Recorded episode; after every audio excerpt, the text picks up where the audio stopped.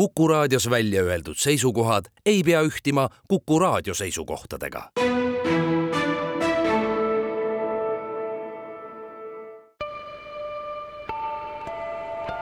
ilmaparandaja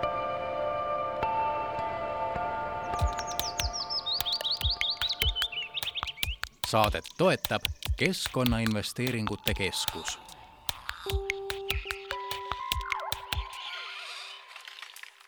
tere päevast, head raadiokuulajad, Kuku keskkonnasaade Ilmaparandaja saab nüüd alata. mina olen saatejuht Rein Pärn ja üsnagi pidumeeleolus nädal on olnud, mis siis tipneb taas iseseisvumispäeva piduliku tähistamisega. mis ei tähenda kuidagi, et ei ole olnud sisukas ja töökas nädal ja on sündinud sellel nädalal üks tähtsamaid keskkonnahuvilisi puudutav uudis, täpsemalt heakskiidu sai valitsuskabinetis rohereformi tegevuskava aastateks kaks tuhat kakskümmend kakskümmend kolm kuni kaks tuhat kakskümmend viis. et ühelt poolt võin öelda, et tegemist on sisuka ja asjaliku ja huvitava dokumendiga, mis siis laiemalt rohepöörde olemuse lahti mõtestab, kui ka Eesti olukorrale otsa vaatab ja võimalustele ning kohustustele ja vajadustele osutab. soovitan seda kõigil lugeda, see on Riigikantselei kodulehel ilusasti kättesaadav ja ei ole teab mis aeganõudev tegevus sellega tutvumine. aga sooviks nüüd ka kuulajale rääkida, et mis on rohereformi tegevusplaan plaan, mille siis äh, Riigikantselei ette valmistas ja valitsuskabinet selle nüüd siis heaks kiitis. ja stuudios on äh, hea meel tervitada äh, sellel teemal kõnelejat Riigikantselei rohepöörde eestvedaja või siis ka Riigikantselei rohepoliitika koordinaator Kristi Klaas, tere päevast! Tere päevast! vastab see minu jutt enam-vähem tõele, et selline areng siis selle rohereformi tegevuskavaga sellel nädalal sündis? tõepoolest, valitsus toetas pikka aega ette valmistatud, põhjalikult läbimõeldud, erinevate osapooltega konsulteeritud tegevusplaani, mis siis tõepoolest esmakordselt tegelikult defineerib ära või mõtestab ära, mis asi see rohepööre üldse on, et et me, kui me hakkasime seda poolteist aastat äh, tagasi ette valmistama, siis siis rohepöörde mõiste võib-olla oli selline abstraktne, enam-vähem äh, kujutati ette, mis asi see on, aga tegelikult seda tervikpilti ei olnud. Ja, ja valitsuselt äh, saimegi tookord väga selge ülesande, et eh, selline tegevusplaan tuleb luua, tuleb luua selline struktuur, kõik saaksid aru, mis valdkonnad on sellega seotud, millised on eesmärgid, kuhu me siis tegelikult eh, jõudma peaksime. ja see tegevusplaan on loodud kolmeks aastaks, aga noh, päris selgelt rohepööret me ju ära kolme aastaga ei tee. tegelikult neid rohereforme on läbi vaja viia läbi mitmete-mitmete aastate, aga see loogika seal taga on see, et et kui, kui on väga suur ja raske ülesanne, äh, siis tee see tükkideks, et, et sa saaksid aru, kus sa praegu oled, äh, mis on need väiksed tegevused, mis sind selle suure eesmärgi poole viivad. et see on see loogika seal taga olnud ja, ja kui nüüd seda siis lugeda, siis tõepoolest ma loodan, et, et lugejal ka tekib selline äh, Äh, tükid paigutuvad õigetesse kohtadesse ja saab aru, mis on millega seotud. ja teie ülesanne oligi selline siis, et, et noh, õnneks te ei pidanud alustama nullist, aga aga teistpidi oli teil eh, sedavõrd keeruline ülesanne, et pidite noh, kõik need üle maailma kokku lepitud nii Euroopas, Eestis, ÜRO-s Äh, nagu kokku võtma ja siis need tükid kõigepealt siis äh, jah, kokku panema. see töö, noh, ma ei tea, kui keeruline nüüd oli? no tegelikult tuleb tunnistada, oli keeruline küll. kui nagu mõelda kõikide nende äh, ongi nende erinevate kohustuste peale, mis meil on, erinevate võimaluste peale, mis Eestil rohereformide elluviimisega kaasneb, siis seda ühele pildile kokku panna on tegelikult väga keeruline, et me isegi võtsime sellise äh,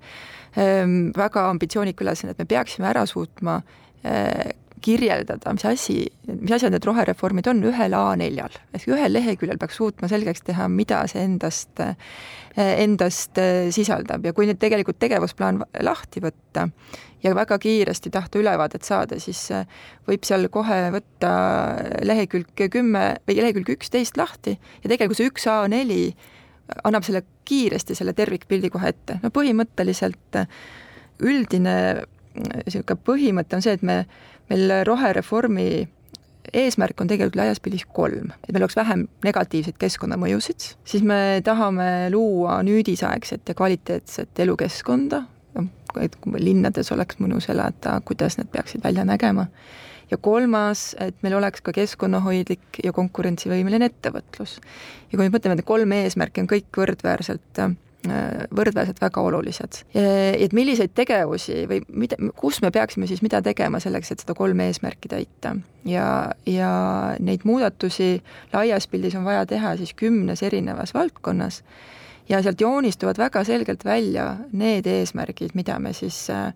ühes või teises valdkonnas saavutama peame et noh, võib-olla kui sealt näidet tuua, et see elukeskkond ongi inimestele kõige lähedasem, eks ju, et kuidas me ühest kohast teise saame liikuda, millist transporti saame kasutada, et noh, võib-olla siis transpordi puhul ongi näiteks, et noh, loomulikult me tahame, et meil oleks ühistransport, mis hästi toimiks, ta oleks keskkonnahoidlik, ei tossaks,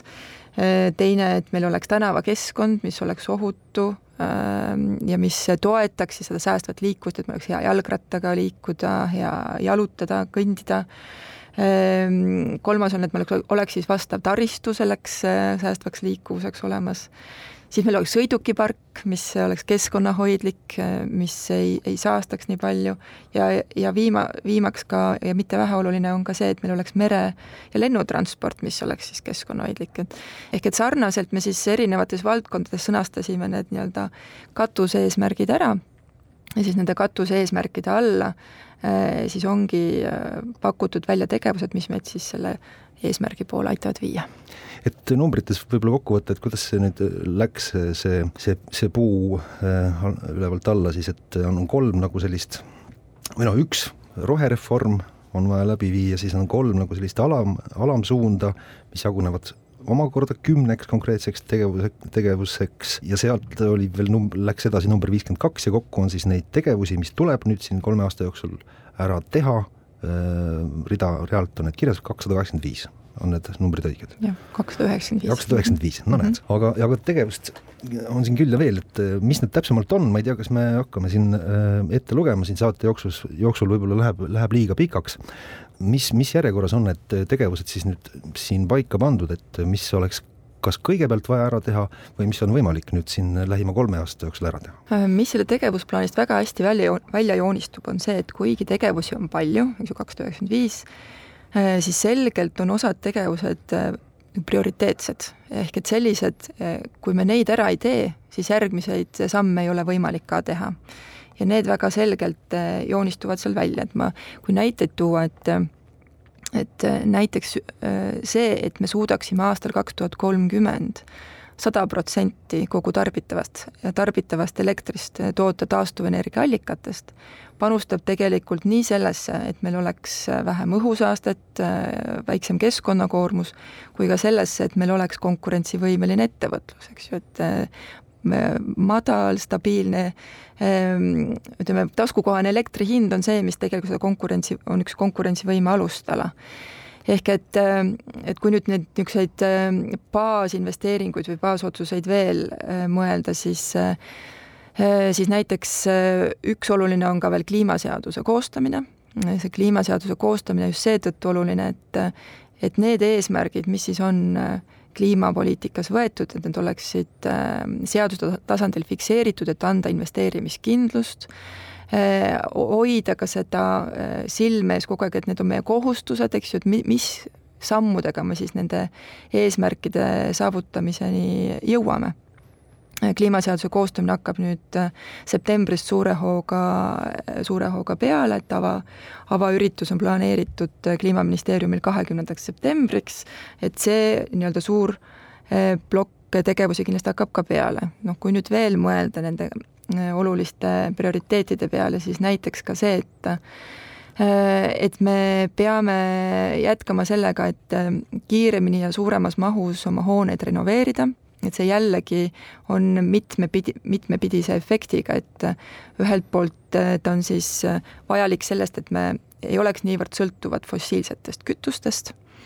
kui ka siis teiselt poolt tegelikult, et ta vähendab väljaminekuid küt-, küttele, et igaühe rahakotis kohe see tulemus peegeldab no ja ma võib-olla tooks siis ka selle ähm, äh, ühistranspordi ja linnakeskkonna poole pealt ka, et, et väga kriitiline ikkagi,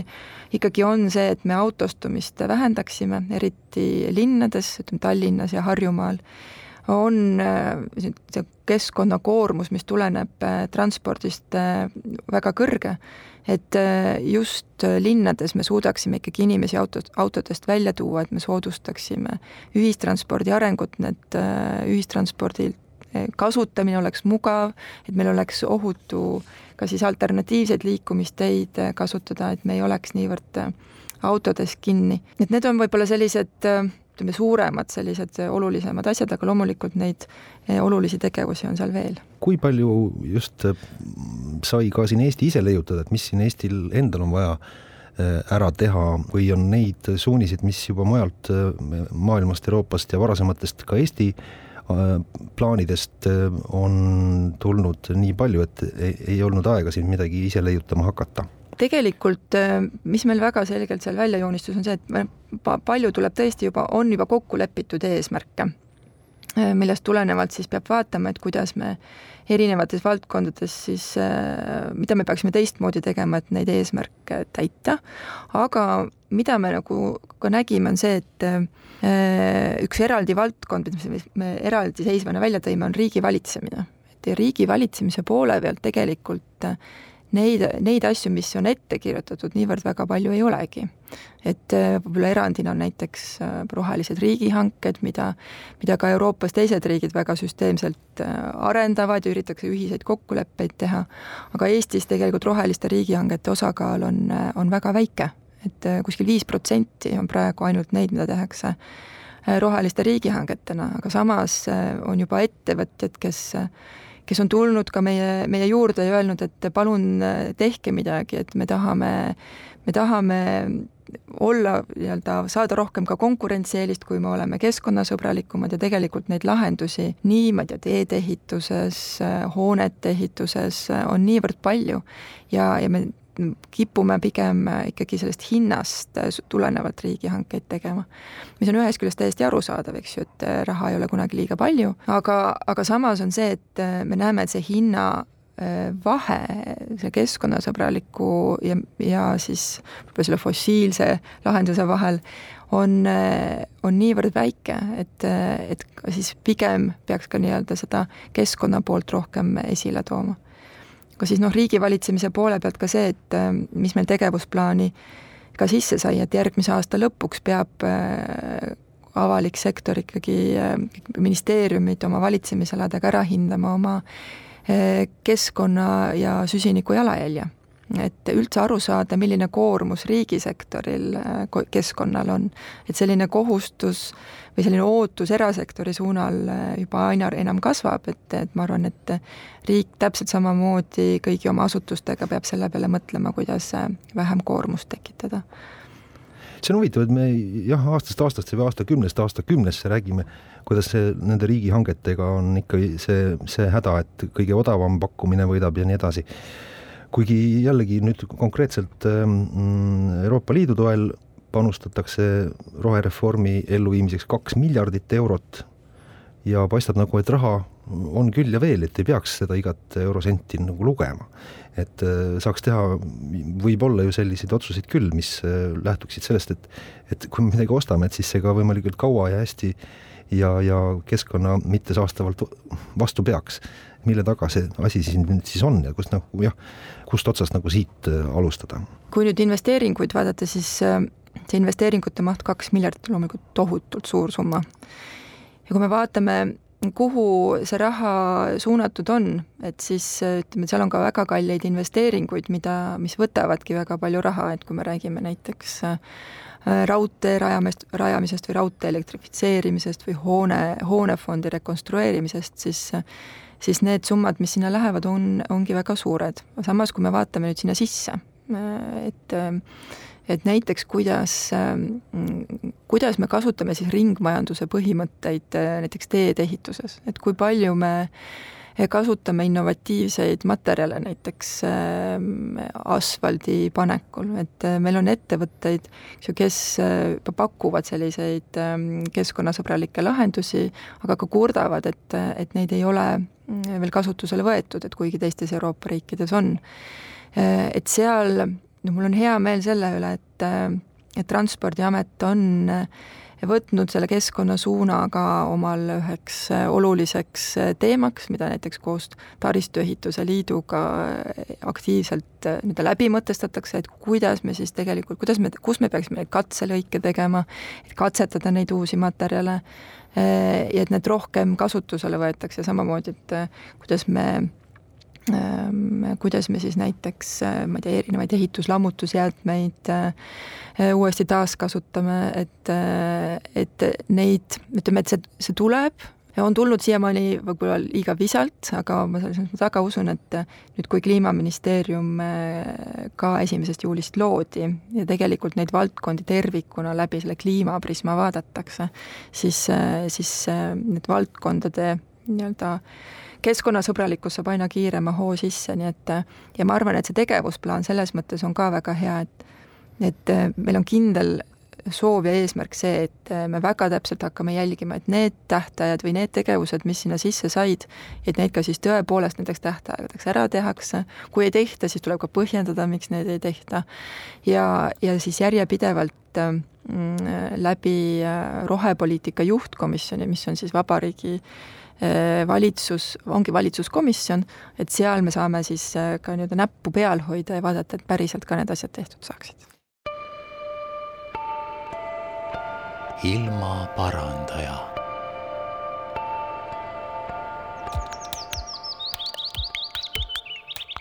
saadet toetab Keskkonnainvesteeringute Keskus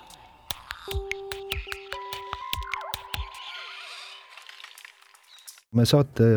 kohe alguses tegelikult libisesime selle äh, rohereformi tegevusplaani olemusest või, või, või olulisusest äh, võib-olla liiga kiiresti üle. et äh, kui küsidagi, et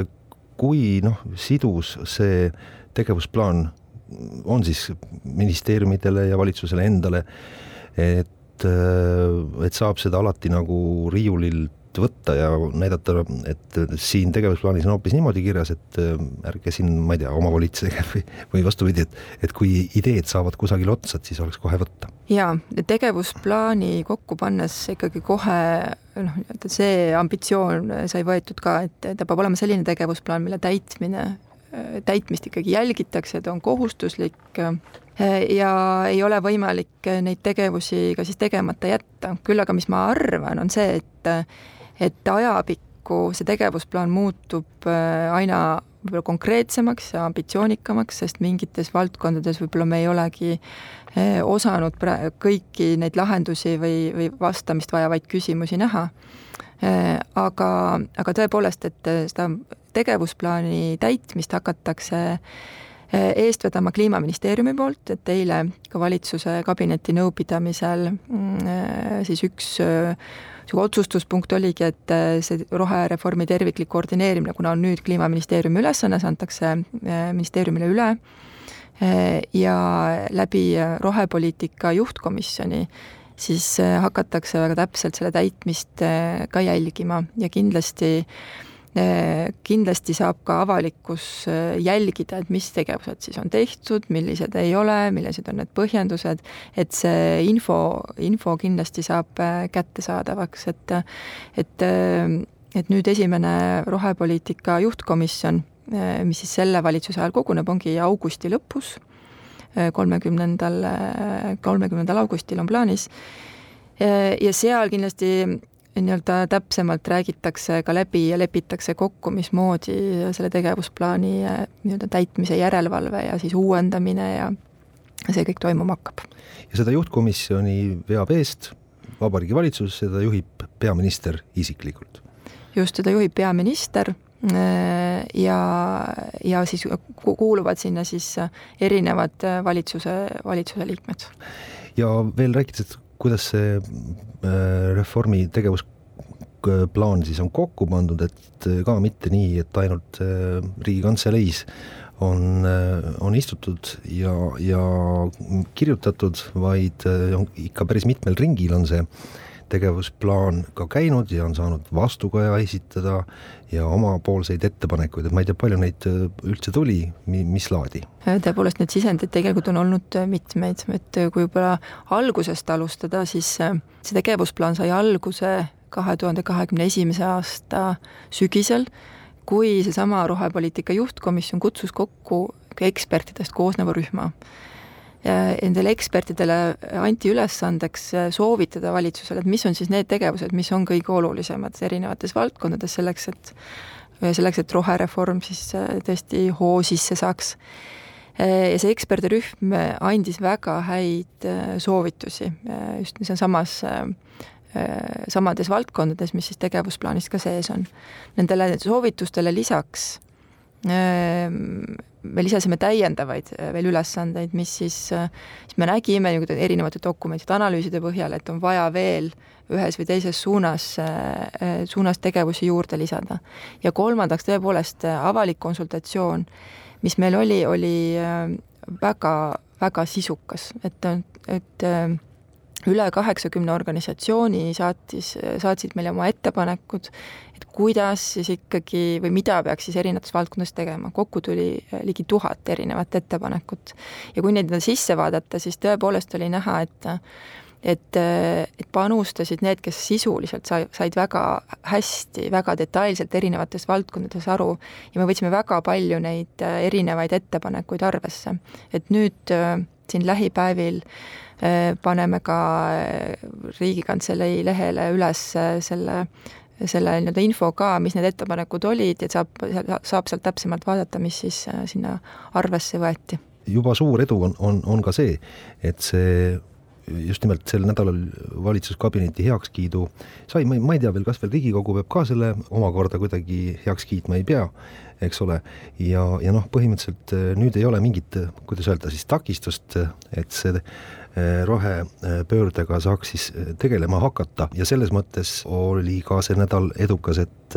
et noh, kui selliseid ütleme, suuri dokumente on ju ka varem Eestis arutatud. Ja mõnel puhul on juhtunud ka nii, et on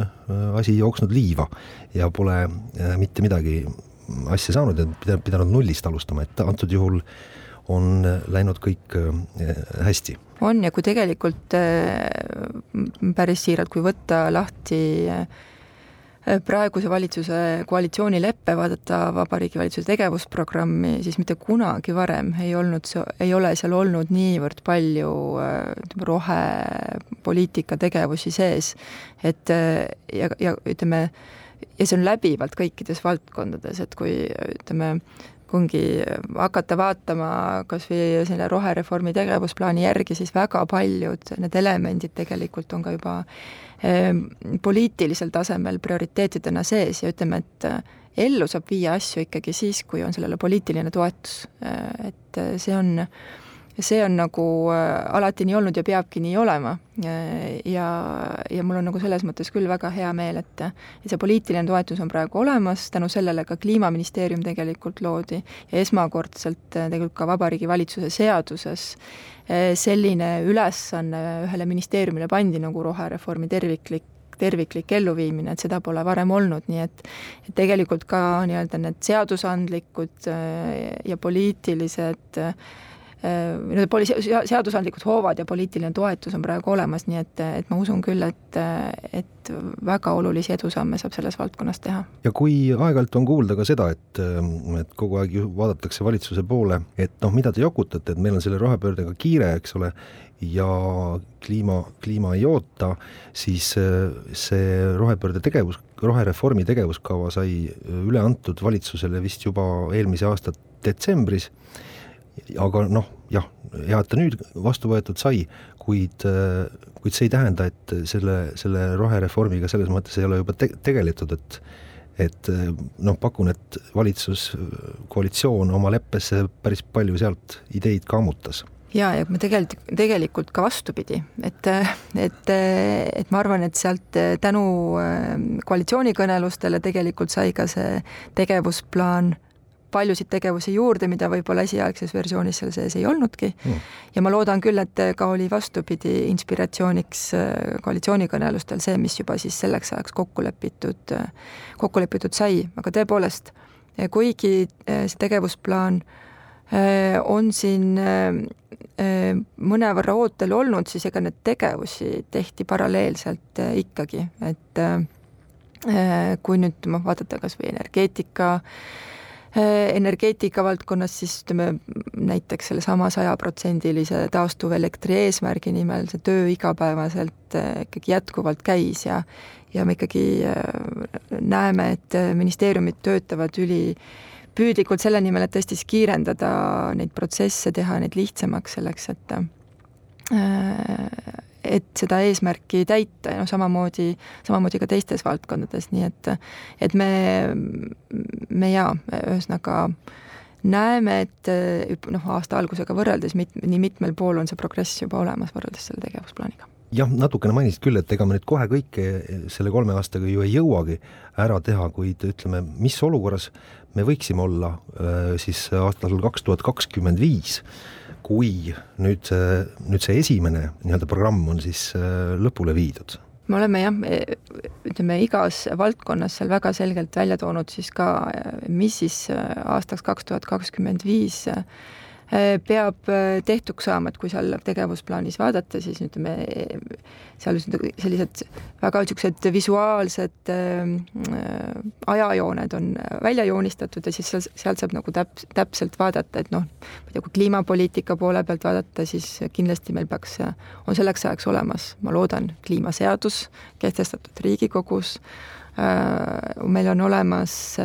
selle kakskümmend kolmkümmend kliimaeesmärkide täitmiseks kõik lisameetmed kokku lepitud, läbi räägitud, kuidas neid, kuidas neid täidetakse, meil on olnud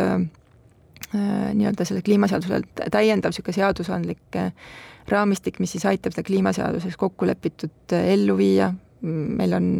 siis mitmed toetusmeetmed juba hakkavad lõpusirgele jõudma, need investeeringud on ära tehtud selleks ajaks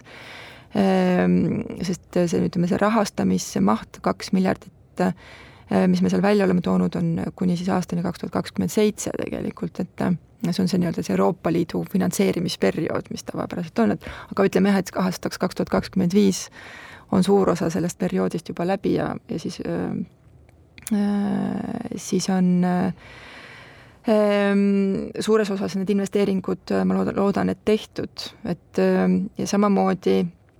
kui nüüd vaadata seda tegevusplaani sisse, siis äh, ta ei hõlma ainult investeeringuid, et seal on ka, on ka selliseid pehmemaid tegevusi, mis võib-olla ühest küljest võib tekitada küsimuse, et miks me paneme investeeringud ja sellised pehmed tegevused nagu ma ei tea, koolitused või, või juhiste koostamine sinna kõrvale. aga samas, mida me näeme, et äh, noh, näiteks võib-olla see hoonete renoveerimise puhul on, on hea näide, et et tihtipeale, et ei osatagi kuskilt peale hakata, et kui mul on vaja hakata äh, oma maja või korterit renoveerima, siis äh, neid, kes, äh, kes oskavad äh, õigest kohast toetust taodelda ja kes on võib-olla nii-öelda varasemalt teinud selliseid taotlusi, teevad seda väga, väga kergesti, aga on väga palju ka inimesi, kellele on see keeruline, igasuguseid renoveerimisprojekte koostada, kuidas kohalik omavalitsus saab inimesi toetada ja nii edasi, et see tegelikult vajab ka sellised väga selgeid juhiseid või koolitusi erinevatele osapooltele, et ka ütleme, sellised tegevused on seal sees. Ja aastaks kaks tuhat kakskümmend viis ma loodan, on et kõik, kõik need tegevused on ju-, juhis, juhised ja kõik on loomulikult olemas, aga et siis ka see renoveerimine on saanud selle suurema, suurema hoo sisse, nii et ja, ja võib-olla, mis ma selle tegevusplaani puhul tahaks ka välja tuua, et et äh, väga loodan, et see tegev, tegevusplaan ja me töötame selle nimel, see tegevusplaan saab olema selline, et, et ei ole nüüd kaks tuhat kakskümmend viis, see saab läbi ja siis me võtame uuesti aasta-poolteist, koostame seda järgmist nii-öelda tegevusplaani tükki, et, et ta peaks äh, selliselt äh, automaatselt rulluma, et ta tegelikult täieneb ajas jooksvalt, ja et see, et, et meil äh, ei, ei, teki seda nii-öelda lõtku nende mitmed noh, on mitme selle tegevusplaani vahele. et see selline detailne tegevusplaan peab jooksma meil vähemalt aastani kaks tuhat kolmkümmend Ehm, ja, ja siis ütleme, kui me saame selle aastale kaks tuhat kolmkümmend oleme juba lähedal, siis juba ka sealt edasi, eks ju. aga et, et need jah, konkreetsed tegevused siis ikkagi jooksed, jookseksid meil siin lähe, lähema kümne aasta jooksul ehm, sujuvalt edasi. et jah, see struktuurifondide rahade jagamise äh, põhimõte kehtib juba ammu ja seda Eestis vist juba osatakse päris hästi nagu kasutada, rakendada, Eesti on siin nende Euroopa rahade kasutamises ju olnud väga tubli. et ei tasu ka vist kahelda, et, et nüüd ütleme, rohereformi eh, tarbeks suunatud raha kuidagi kehvemini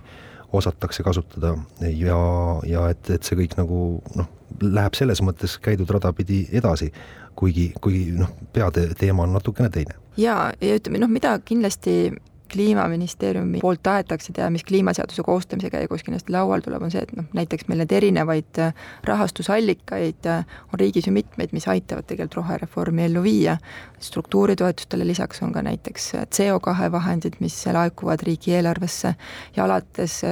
esimesest jaanuarist kaks tuhat kakskümmend neli on see kohustus et, et sada protsenti kogu see raha peab minema nii-öelda kliima, kliima ja energeetika investeeringuteks, mis siis aitavad äh, rohereformi ellu viia. Ja mida tuleb kindlasti teha, on see, et väga lihtne on leida investeeringuid, panna sinna selline roheline täpike juurde, ütleme jah, et noh, põhimõtteliselt ta toetab selle rohereformi elluviimist ka aga mida, mida me kindlasti vaatame, on see, et need investeeringud peavad siis ka aitama meil neid konkreetseid eesmärke täita, et ta ei ole lihtsalt nii-öelda selle rohelise linnukesega, vaid ka päriselt on sellised, mis, mis aitavad seda, neid eesmärke täita. ja sellepärast on ka see tegevusplaan oluline, et just, et see fookus oleks kogu aeg paigas, et me ei kaota seda fookust ära, et mida me siis tegelikult sellest rohereformist ootame ilmaparandaja.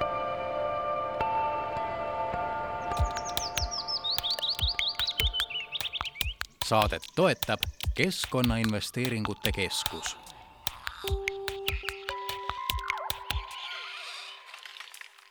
jätkame Kuku raadio keskkonnasaatega Ilmaparandaja. stuudios on meil Riigikantselei rohepoliitika koordinaator Kristi Klaas, mina olen saatejuht Rein Pärn. kui see loetelu ette võtta, et te olete kõik need kakssada üheksakümmend viis punkti kindlasti läbi käinud, et kas siin midagi noh, sellist äh, päris äh, ohoo uudist ka tulemas on, ma ei tea, ma ei kujutagi praegu ette, et äh, aga, aga noh, mis võib-olla tuleb paljudele üllatusena, et, et mingisugune selline tegevus tuleb siin lähiaastatel ette võtta?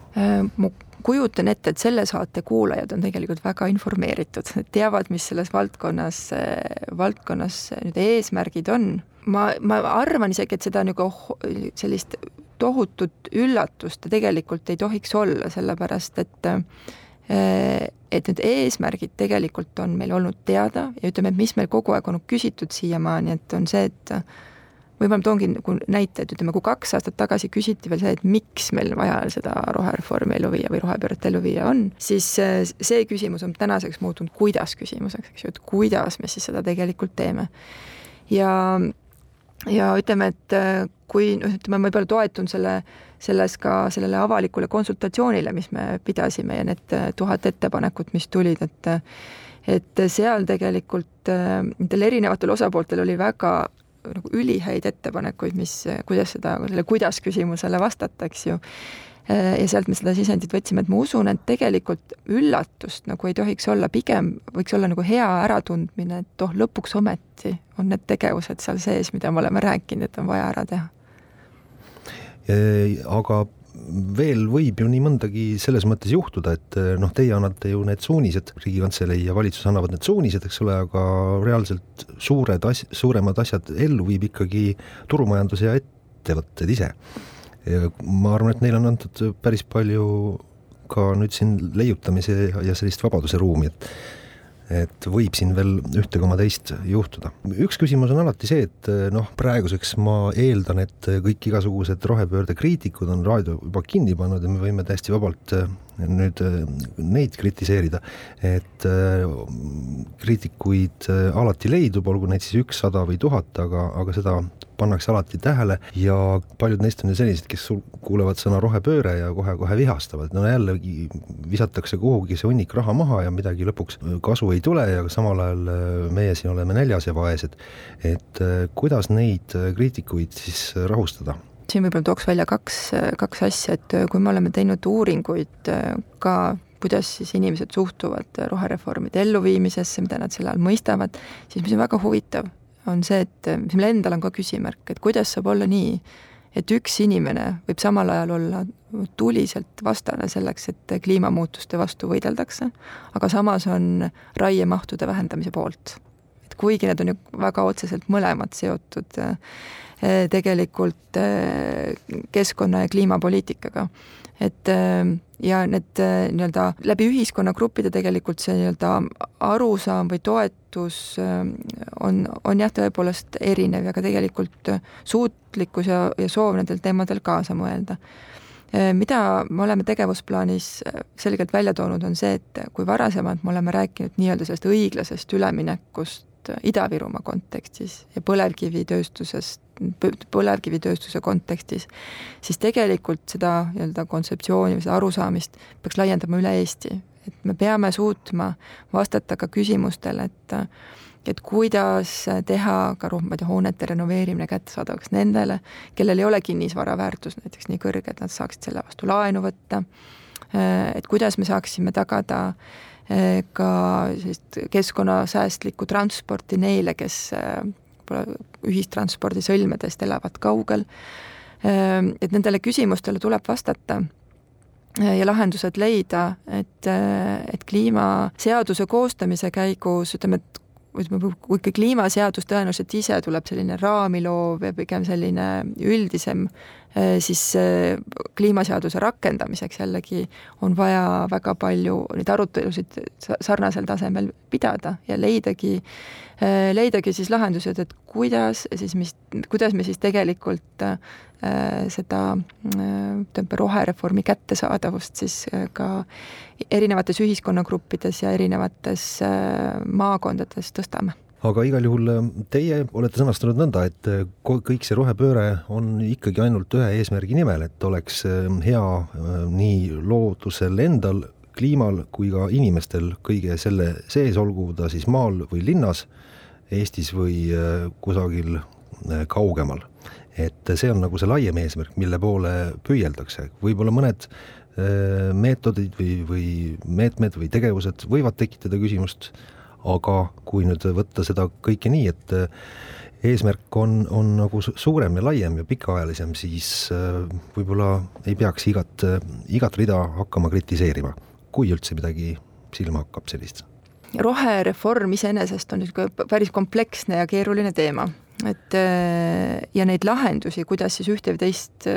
väljakutset lahendada, neid võibki olla väga erinevaid, eks ju, mis tulenebki meie arusaamadest, et milline on õige või milline on, milline on vale. et, et ma, ütleme siin tegevusplaanis sees, ma loodan, on küll sellised tegevused, kus äh,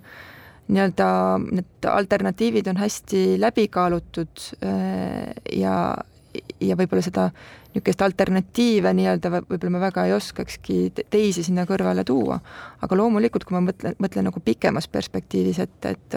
me tegelikult ju ei tea, millised tehnoloogilised võimalused näiteks on meil olemas kümne aasta pärast. et praegu võib-olla ongi, näiteks kritiseeritakse seda, et kui me elektriautosid rohkem kasutusele võtame, et mis me siis teeme nende akudega, on ju, kust ikkagi neid materjale kaevandatakse. aga vaadates, kuidas kogu ütleme, ringmajandus või alternatiivsete materjalide kasutuselevõtt praegu toimub, siis ma olen täiesti kindel, et, et nüüd akude uuesti ringlussevõtt või ka nende materjalide, mis seal kasutatakse, nüüd asendamine innovatiivsete materjalidega, et see toimub tegelikult väga kiiresti, et see innovatsioon tegelikult toimub üle maailma ja neid lahendusi võetakse aina kiiremini kasutusele, nii et et need lahendused muutuvad täpsemaks, me saame ise targemaks, oskame neid paremini sinna sisse viia ja me peamegi, ma arvan, võtma sellise avatud meelega kogu seda rohereformi elluviimist, et kui me saame targemaks, me saame korrigeerimegi seda oma tegevust, võtamegi paremaid lahendusi kasutusele ja ma arvan, et see ongi igati okei okay.. nagu siin oligi ju üks kena lause, et äh, me teeme seda ju kõike ju esimest korda. et äh, eks siis äh, ole näha, mis, mis sellest kõigest välja tuleb ja kuidas, aga igal juhul hea kavatsus on kõigest sellest õppida nii palju kui võimalik. aasta kaks tuhat kakskümmend kolm juba tegelikult äh, päris pik-, pikemat aega juba ka käib, aga nüüd, kui tegevuskava on äh, valitsuselt äh, heakskiidu saanud, siis millised saavad olema siin lähiajal siis esimesed konkreetsed tegevused sellest plaanist lähtuvalt, mis ellu hakatakse viima? võib-olla siin kohe kuu aja jooksul tegelikult tooksin välja sellised olulised, olulised sündmused, mis on ees ootamas järgmisel nädalal, juba kahekümne kolmandal augustil kliimaministeerium eh, kutsub kokku esimese kohtume kliimanõukogu koosolekuks. Ja kliimanõukogu on selline päris eh, uus, eh, uus nii-öelda nõukogu, mis siis toimib väga sarnaselt eelarvenõukogule, mis on eel, Eesti Panga juures, mis koosneb erinevate valdkondade väga headest ekspertidest, kelle ülesanne siis on anda nõu ütleme Eesti Vabariigi valitsusele, Riigikogule, kuidas me peaksime või mida me peaksime tegema selleks, et äh, kliimaeesmärke võimalikult hästi täita, kuidas arvestada sinna nüüd erinevaid mõjureid ja kuidas siis ka kogu nii-öelda see kliimaeesmärkide täitmine Eesti nii-öelda, kuidas Eesti sellest võimalikult palju ka võidaks. ja esimene kohtumine toimub jah, juba järgmisel kolmapäeval ja see kindlasti on selline märgiline märgiline samm, siis kuu lõpus äh, koguneb äh, esimest korda selle valitsuse jooksul rohepoliitika juhtkomisjon, mis on siis seesama komisjon, mida peaminister äh, juhib ja mis siis kogu nii-öelda seda rohereformi elluviimist tervikuna, tervikuna vaatab. ja, ja arutab ka seal siis kliimaseaduse koostamise algust, kuidas seda protsessi ikkagi selliselt läbi viia, et toimuks võimalikult palju avalikku diskus-, diskussiooni, debatte, äh, arutelusid, kuidas siis ikkagi need parimad äh, lahendused äh, kliim-, kliimaeesmärkide saavutamiseks leida. ja juba siis kahekümnendal septembril toimub avaüritus kliimaseaduse koostamiseks, peale mida siis hakkab kogu protsess protsess hooga peale, toimuvad avalikud diskussioonid, alustavad töö, töörühmad, nii et äh, need kolm sündmust äh, juba lähiajal on see, et mis äh, juba nii-öelda tasub endal meeles pidada ja vaadata ja jälgida, et mis otsused ja sammud sellele järgnevad selline siis uudis, millest täna pikemalt rääkisime, et rohereformi tegevuskava Vabariigi Valitsuselt heakskiidu sai. nüüd on siis kas võib öeldagi nii, et stardipauk rohereformi tegemiseks sai nüüd antud ja, ja nüüd alles hakkab äh, pihta? no rohereformi elluviimine tegelikult on varasemalt ka käinud, aga ütleme, et äh, mida see tegevusplaan annab, on see, et ta annab sulle tervikliku käsitluse, mis see tervikuna on, ja selle tervikliku käsitluse mõttes äh, ütleme, ütleme, Vabariigi Valitsus juba astus eelmisel aastal samme, et see niisugune terviklik, terviklik juhtimine teema kohta eh, tekiks, eh, aga, aga nüüd tõepoolest on olemas ka eh, loodud ka Kliimaministeerium, kes siis seda tervikuna, tervikuna kindlasti väga läbimõeldult eest vedama hakkab, nii et soovin neile palju jõudu selles. vot nii jah, saame siis näha, mis sellest kõigest äh, välja tuleb, igal juhul nagu siin ka alguses sissejuhatuses sai vihjatud, et kõigile soovitan, keda võib-olla rohkem huvitab ja tahab teada, et mis seal tegevuskavas siis kirjas on, äh, see ka siis läbi lugeda, et ei ole see teab mis pikk dokument, kakskümmend viis lehekülge, kuid see-eest väga sisukas ja mõtlemist äh, annab see küll ja veel. ja, ja noh, seal on ka kenasid graafikuid olemas ja saab nagu vähekene rohkem ka visuaalselt aimu, et äh, kuidas see tegevuskava, mida, mida see seal kirjas on ja ja milliste tegevustega siin edasi minema peab. ma väga tänan Kristi Klaas, Riigikantselei rohepoliitika koordinaator, stuudiosse tulemast, rääkimast ja soovin kena Eh, nädalavahetuse jätku ja meeldivat Eesti taasiseseisvumise päeva. suur tänu kutsumast. ilmaparandaja